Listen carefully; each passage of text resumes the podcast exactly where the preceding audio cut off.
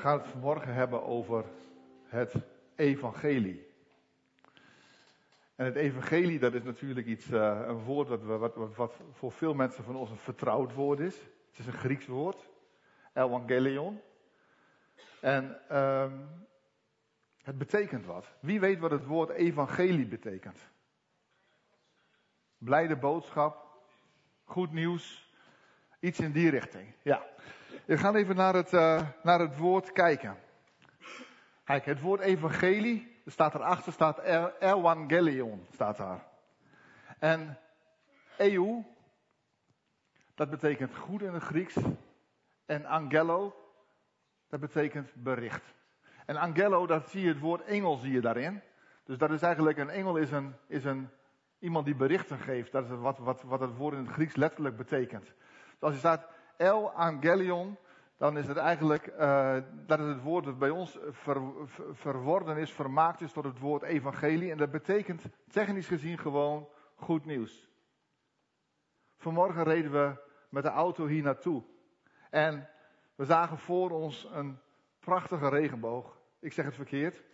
Jiska zag voor ons een prachtige regenboog van daar naar daar. Ze zei tegen mij van, Henk, kijk eens. Ze was er helemaal blij van. Ik ook trouwens hoor. Maar ik word er niet blij van als ik met 80 km per uur naar de lucht moet kijken. Dus ik zeg altijd tegen haar, geniet ervan, dank God ervoor. Dat is goed nieuws. Dat is goed nieuws. Maar goed, gisteren liep ik in de Albert Heijn. En er stonden twee pakken yoghurt in de, in de koeling. En mijn yoghurt was op, dus ik had, ik had weer yoghurt. Dat is ook evangelie, dat is ook goed nieuws. Zo kun je het zien. Het is echt, het is echt een, een, een technische term. Het is echt gewoon een betekenis daarvan, betekent gewoon goed nieuws. Hoeft niet geestelijk te zijn. Maar nu zien we het in de Bijbel heel vaak met een hoofdletter staan. En dan praten we wel over wat anders. Dan praten we over het evangelie. Over de blijde boodschap. En dan praten we over datgene wat God ons wil vertellen. En als iemand aan mij vraagt, Henk, wat is het evangelie? Dan, ja, dan kan ik dat denk ik wel vrij eenvoudig zeggen dat de Heer Jezus voor ons aan het kruis gestorven is. Dat is vrij kort, maar goed, leg het maar eens uit. En nu hebben wij hier in de hal hebben wij deze boekjes liggen. Wat ga jij kiezen, staat erop. En ik wil even met jullie doorheen lopen. En op het moment dat je denkt van, hé, hey, dit is een keuze die ik zelf ook nog moet maken, maak hem dan nu in je hart. En aan het einde van dit boekje staat ook een gebed waar ik dan op dat moment zal gaan uitspreken. En we gaan er gewoon eventjes plaatje voor plaatje doorheen.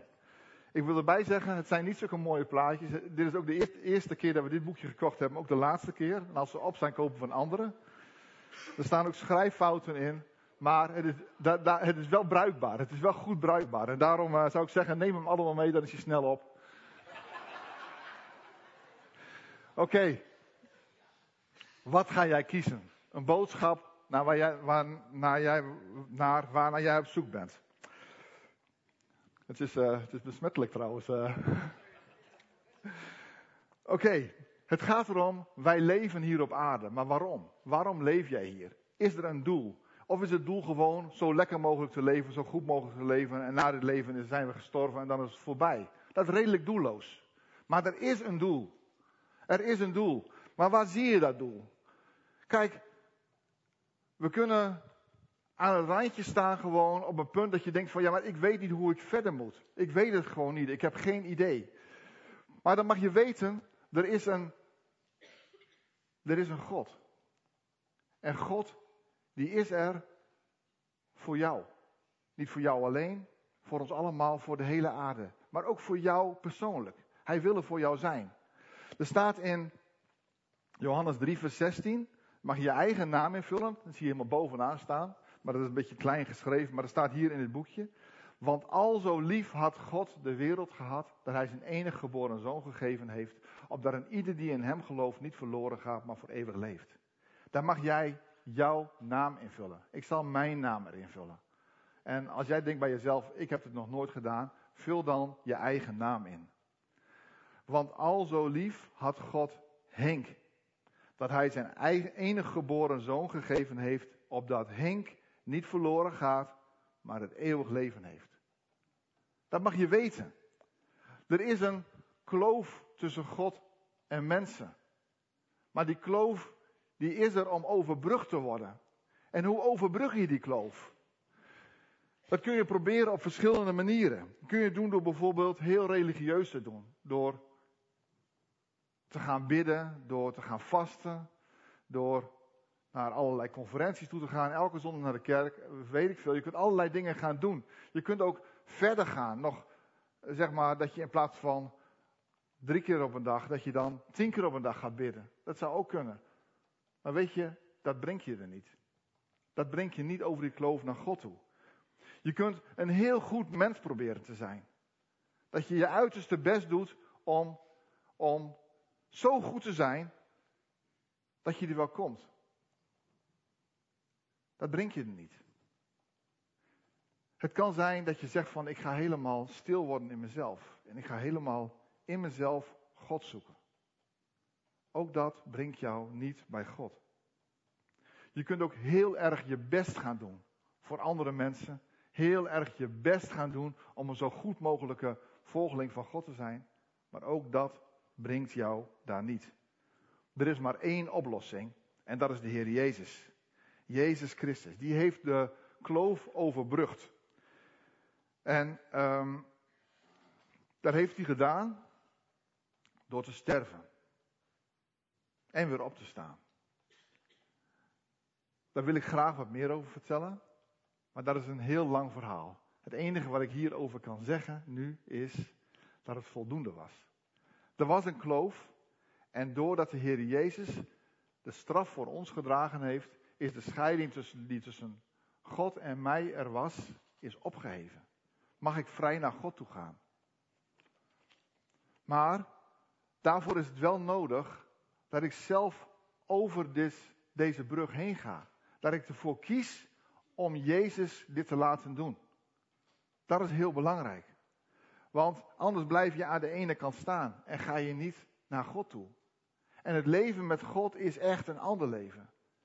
Ik heb deze keuze gemaakt in 1997. 1996 heb ik deze keuze gemaakt. Ik ben gedoopt in 1998. En ik moet zeggen, ik wist niet wat er ging gebeuren. Maar ik heb nog geen enkele seconde spijt gehad van de keuze die ik gemaakt heb om de Heer Jezus op nummer 1 te zetten. Er gingen een heleboel dingen fout in mijn leven. Er gingen echt heel veel dingen fout in mijn leven. We hadden een aantal hele moeilijke dingen en ik wist, ik kan het niet zelf. Toen heb ik mijn hart en mijn leven aan de Heer Jezus gegeven. En toen ging er nog steeds een heleboel fouten in mijn leven. Maar het was wel goed, want God is erbij.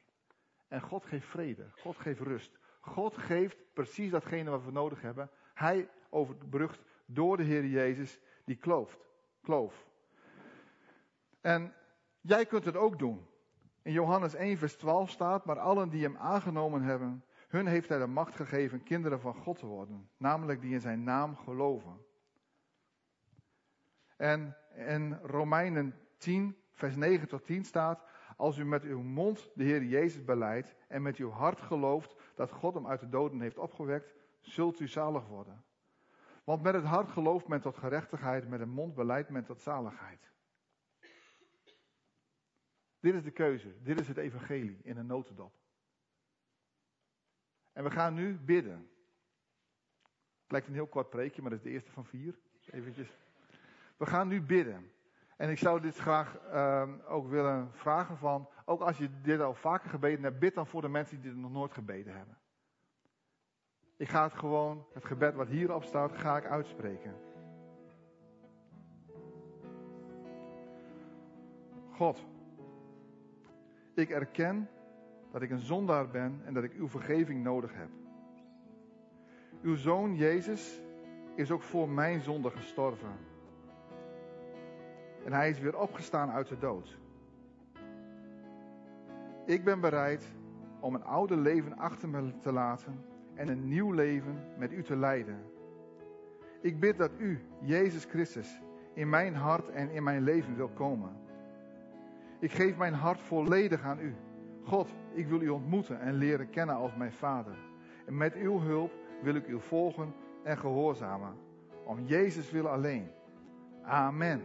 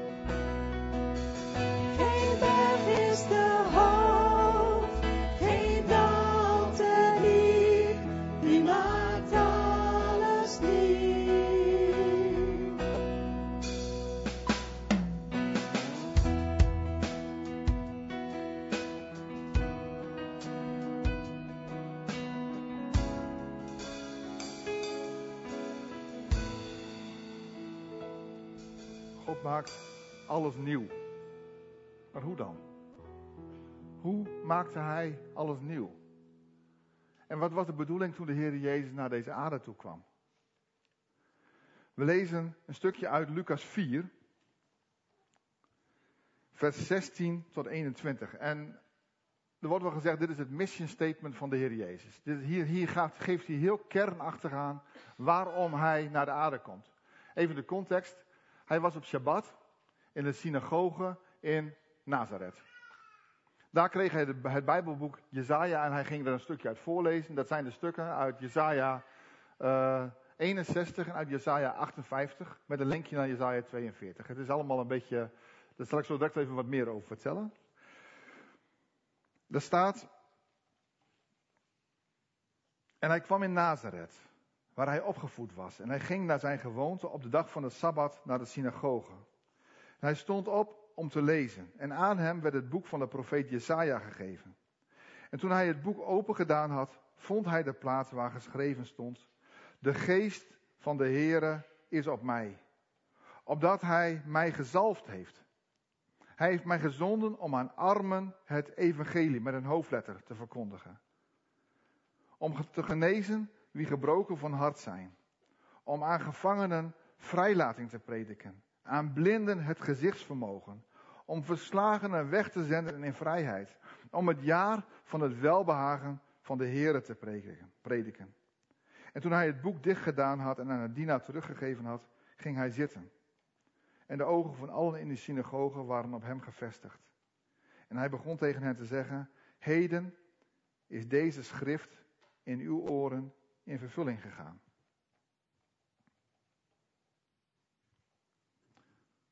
Best wel bijzonder.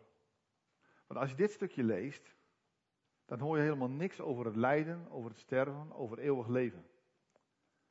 Dit zijn allemaal dingen die best wel te maken hebben met het dagelijkse leven.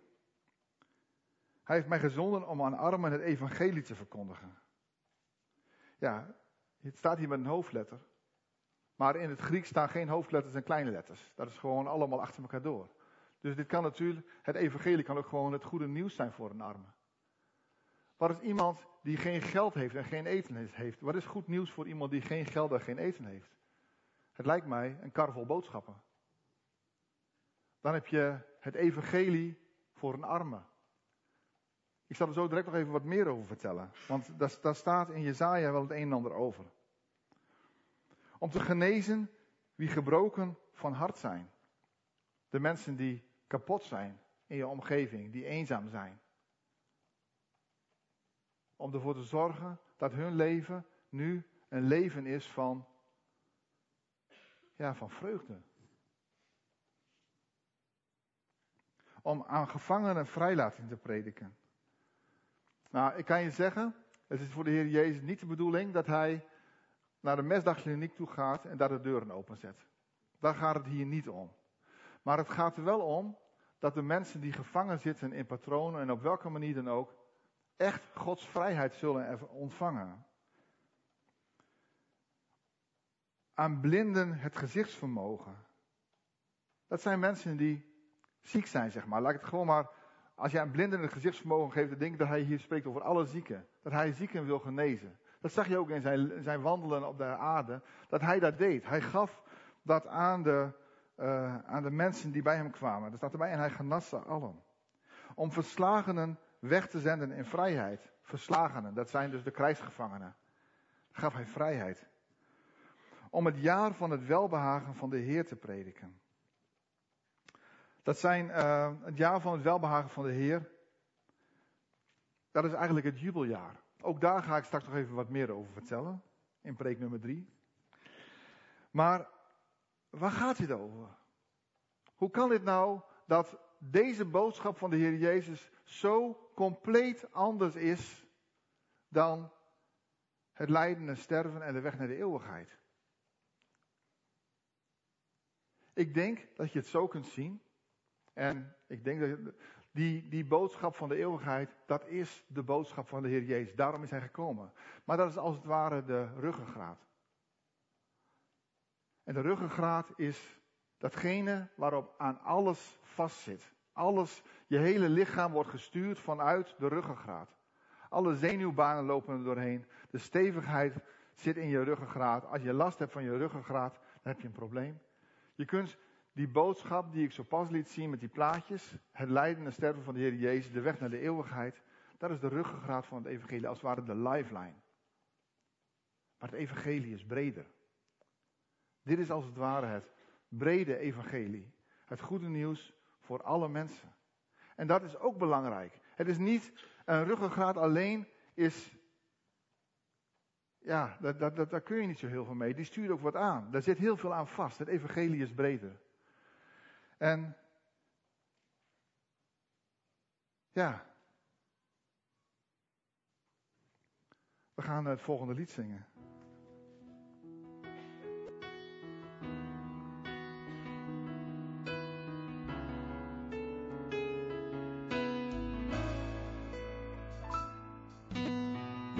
in staat te renoveren. Dat wat verloren is verklaard.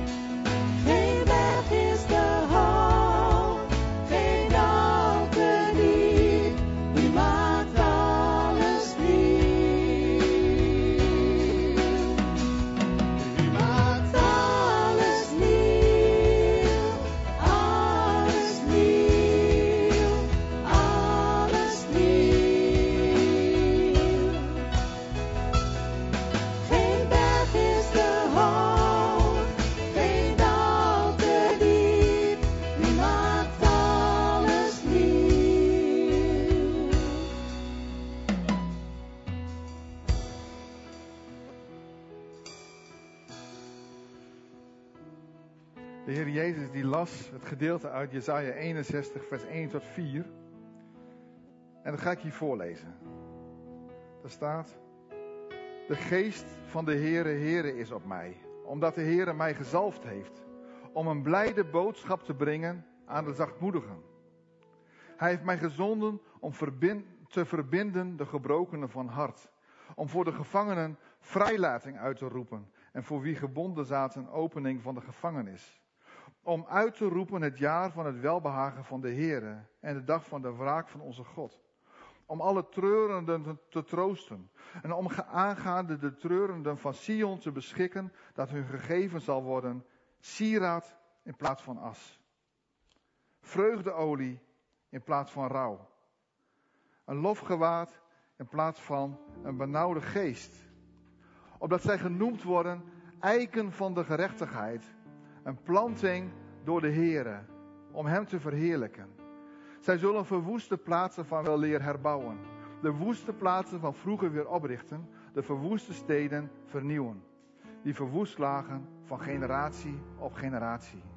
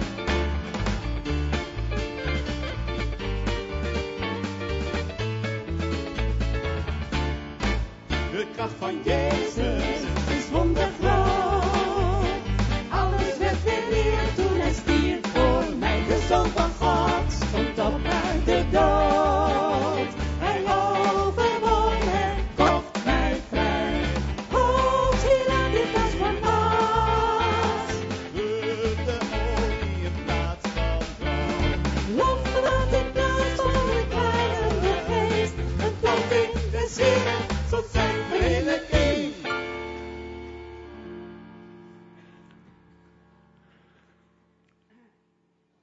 Ja, als je dit lied ziet, daar komen eigenlijk Lucas en Jezaja bij elkaar. Dat begint met de kracht van Jezus is wondergroot. En dat laatste stukje, dat is eigenlijk het stukje na datgene wat de Heer Jezus voorgelezen had. Want hier staat, om aangaande de treurenden van Sion te bes- beschikken dat hun gegeven zal worden sieraad in plaats van as, vreugdeolie in plaats van rouw, een lofgewaad in plaats van een benauwde, benauwd- benauwde geest opdat zij genoemd worden eiken van de gerechtigheid en planting door de Here om hem te verheerlijken. Prachtig. Maar we gaan even kijken naar het stukje uit Jesaja 61 en dan het eerste gedeelte. Want er zitten namelijk wat verschilletjes in. De geest van de Heere Heere is op mij, omdat de Heere mij gezalfd heeft om een blijde boodschap te brengen aan de zachtmoedigen, staat hier. En als je in hoofdstuk 58 kijkt, dan zie je dat die blijde boodschap wordt ingevuld wat dat is. 58 vers 7. Daar staat, daar, ga- daar gaat het over vasten. Is, is het niet dit dat u uw brood deelt met wie honger lijdt en de ellendige ontheemden een thuis biedt? Dat als u een naakte ziet, u hem kleedt en dat u zich voor uw eigen vlees en bloed niet verbergt. Dat is de blijde boodschap voor de, ja, de zachtmoedigen zoals het hier staat, wat via een tussenvertaling in de Septuagint in het Grieks terechtgekomen is als de armen. Dus dat is een beetje een omweg, maar daar gaat het over. Dit is waar, waar de, eh, wat de blijde boodschap is voor die mensen. Hij heeft mij gezonden om te verbinden de gebrokenen van hart. Verbinden gebrokenen van hart. Zo pas ging het ook over gebroken van hart, maar toen ging het over genezen van de gebrokenen van hart. En daar zie je het gezag van de Heer Jezus. Want wat wij kunnen doen is, wij kunnen verbinden. Goed zorgen. Goed zorgen voor de mensen. Maar de Heer Jezus, die kan genezen. En daarvoor is Hij gekomen.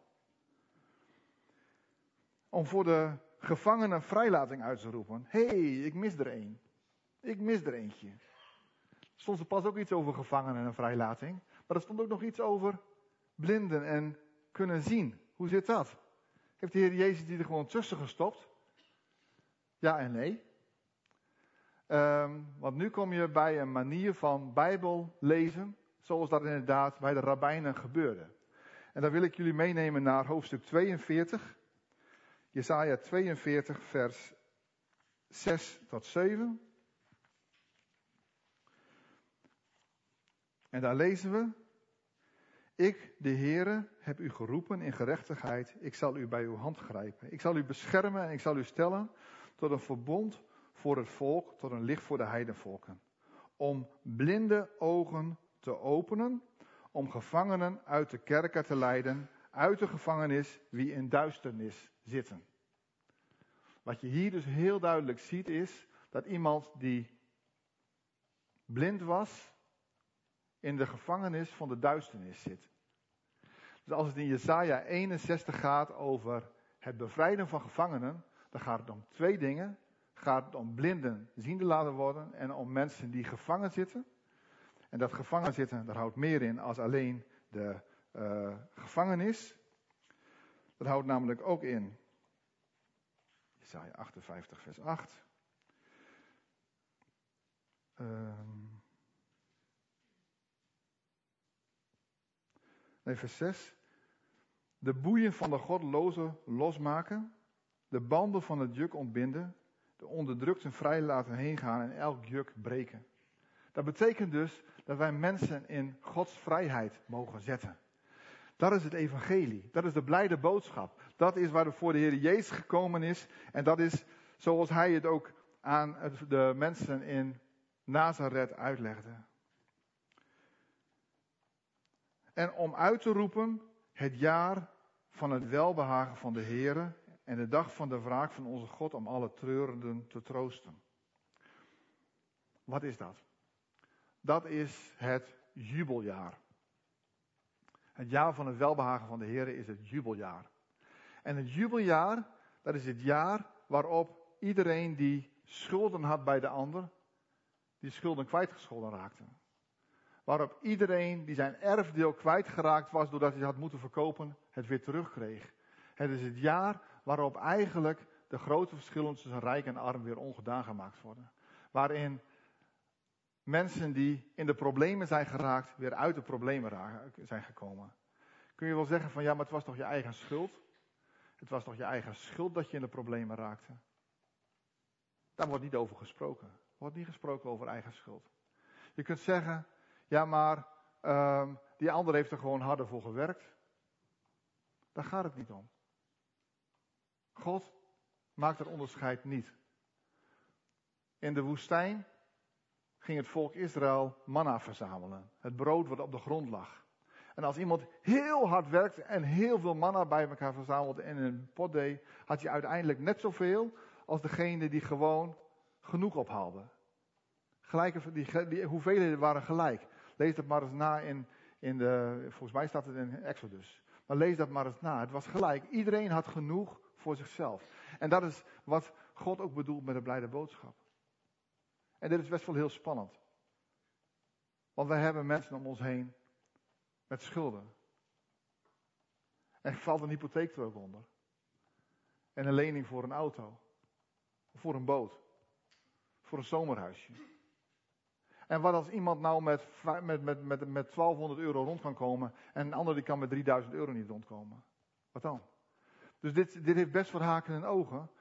Maar de Heer Jezus zegt van, ik ben gekomen om dit jaar te verkondigen. Het jubeljaar. Het jaar van het welgevallen, welbehagen van de Heer. Daarvoor is de Heer Jezus gekomen. En, wat is het gevolg? Gods vrede. En Gods vreugde. Vreugdeolie in plaats van rouw. Gods vrede. En, en, en, hij is gekomen zodat de mensen die hem volgen genoemd worden um, opbouwers van verwoeste steden. En als we nou om ons heen kijken. Ik bedoel, wij zien hier om ons heen wel wat verlaten dorpen misschien. Plekken waar vroeger een, ik weet op de dijk daar bij de, bij de industrieterrein, daar is een, een kerkhof op de dijk. En dat is omdat daar vroeger een dorp geweest is. Ik denk niet dat we dat dorp moeten gaan herbouwen. Ik denk ook niet dat dat de bedoeling is. Maar wat ik wel zie is dat in deze regio honderden kerken leeg staan.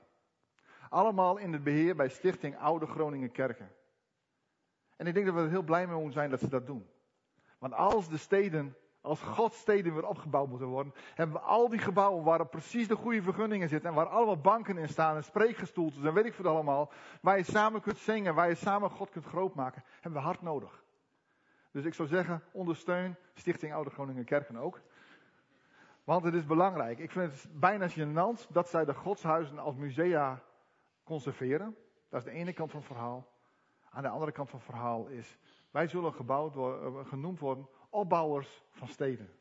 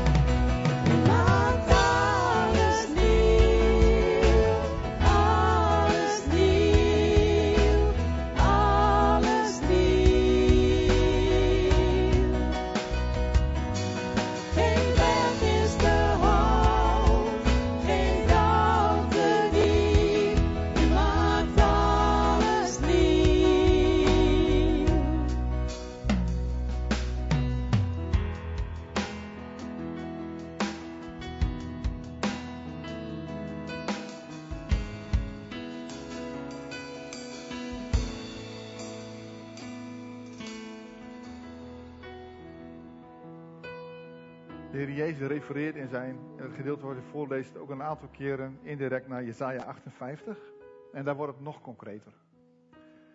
Daar zou ik graag een paar versen uit willen lezen, vers 6 tot 12. Hier gaat het over het vasten. De de of Jezaja die zegt eh, tegen het volk van eh, als jullie vasten, dan, eh, dan eet je niks, maar je doet net zo fout en gemeen als dat je doet op het moment dat je niet aan het vasten bent. En daar heeft God niks mee. Het gaat hem dus niet om het niet eten. Het gaat hem om het, eh, ja, om wat er in, het in je hart gebeurt. En dan lees ik vanaf vers 6. Is dit niet het vasten dat ik verkies? Dat u de boeien van de goddeloosheid losmaakt. Dat u de banden van het juk ons bindt. Dat u de onderdrukten vrij laat heengaan. Dat u elk juk breekt. Is het niet dit, dat u uw brood deelt met wie honger lijdt, en de ellendige ontheemden een thuis biedt? Dat als u een naakte ziet, u hem kleedt, en dat u zich voor uw eigen vlees en bloed niet verbergt of niet schaamt?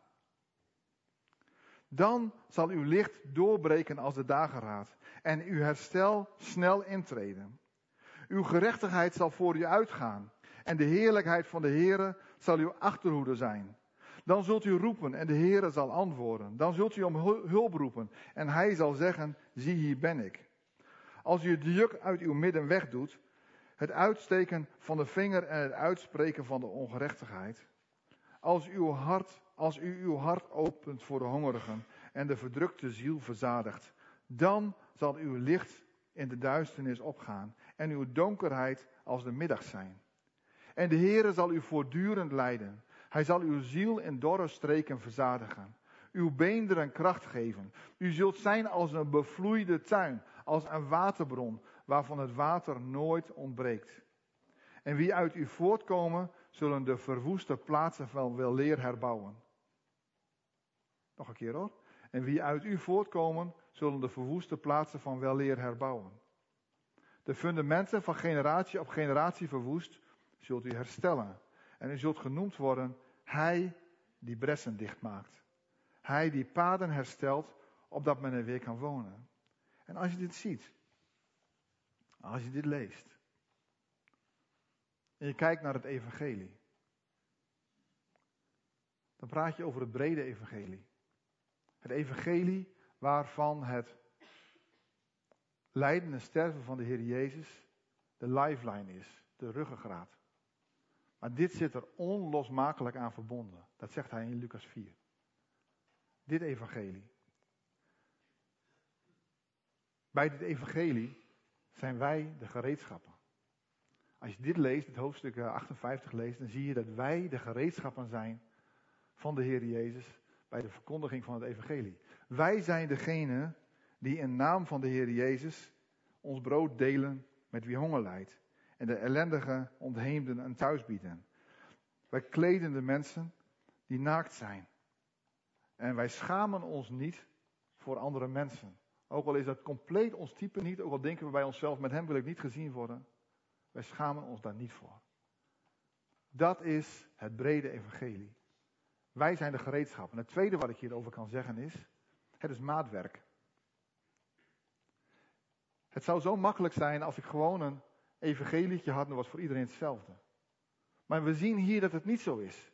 We zien hier dat gesproken wordt over de hongerigen en de mensen met eten. Voor de mensen met eten is een tas vol boodschappen misschien wel leuk. Een kerstpakket is altijd leuk. Het is altijd leuk.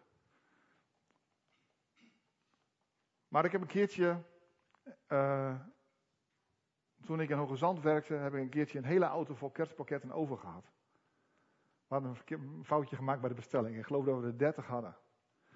En uh, toen is Jiska met die auto heel Veendam doorgereden.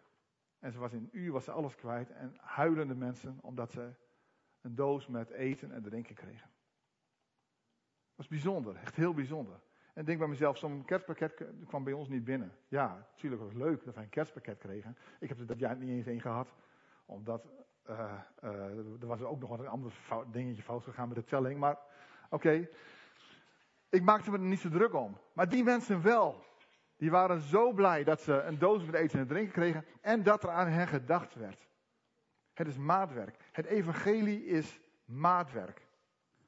Er wordt hier gesproken over um, naakte mensen die kleding nodig hebben. Nou, ik zie hier op straat weinig naakte mensen lopen. Eigenlijk nooit. Nou, als je ze ziet, denk je bij jezelf, dat gaat echt wat fout. Maar het gaat er hier om van, kun je er zijn voor de mensen die ook in de primaire levensbehoeften niet kunnen voorzien? Nou, op deze manier mogen wij ook namens God maatwerk leveren. Ook de mensen die gebroken van hart zijn. Hoe kun je naast ze staan? Wat is het brede evangelie? Wat is het brede evangelie voor een kerklid? Dat is alweer te algemeen. Maar goed, ik, ik noem het toch wel gewoon. Wat is het brede evangelie voor degene die naast jou zit? Hoe kun jij Gods evangelie doorgeven? Wat is dat voor jouw buurman? Voor je buurvrouw? Of die God nou wel komt of God nou niet kent. Of die God nou wel kent of niet. Het is dus ook voor, dat is ook weer verschillend. Voor de persoon, voor je buren, voor je overburen die boos op je zijn. Wat is jouw blijde boodschap voor die mensen? Wat is de blijde boodschap voor de mantelzorger die helemaal buiten adem uh, niet meer weet welke kant hij op moet gaan? Wat is de blijde boodschap voor iemand die in zonde leeft? Wat is de blijde boodschap voor mensen in oorlogsgebied? Wat is de blijde boodschap voor militairen aan het front? Wat is de blijde boodschap voor terroristen? Kun je zeggen, want er is geen blijde boodschap voor terroristen. Maar Paulus was een rasterrorist. Die wilde niks anders dan alle christenen doodmaken.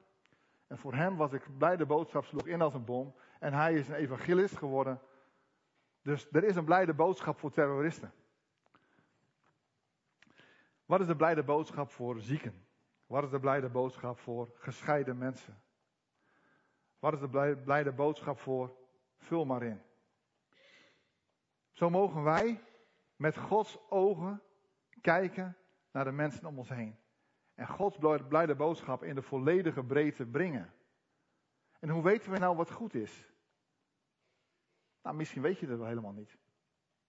Want we hebben deze week, we zaten erover te praten en we noemden een aantal situaties waarvan we niet wisten hoe we voor die mensen nou kunnen zijn. Nou, misschien is dan al genoeg dat je zegt van, joh, ik weet niet wat ik voor je kan doen, maar ik bid voor je. Dat die mensen weten van, we zijn in beeld.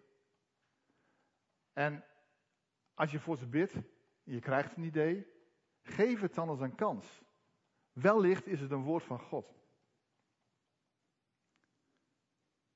Zo mogen wij inderdaad Gods boodschap zijn.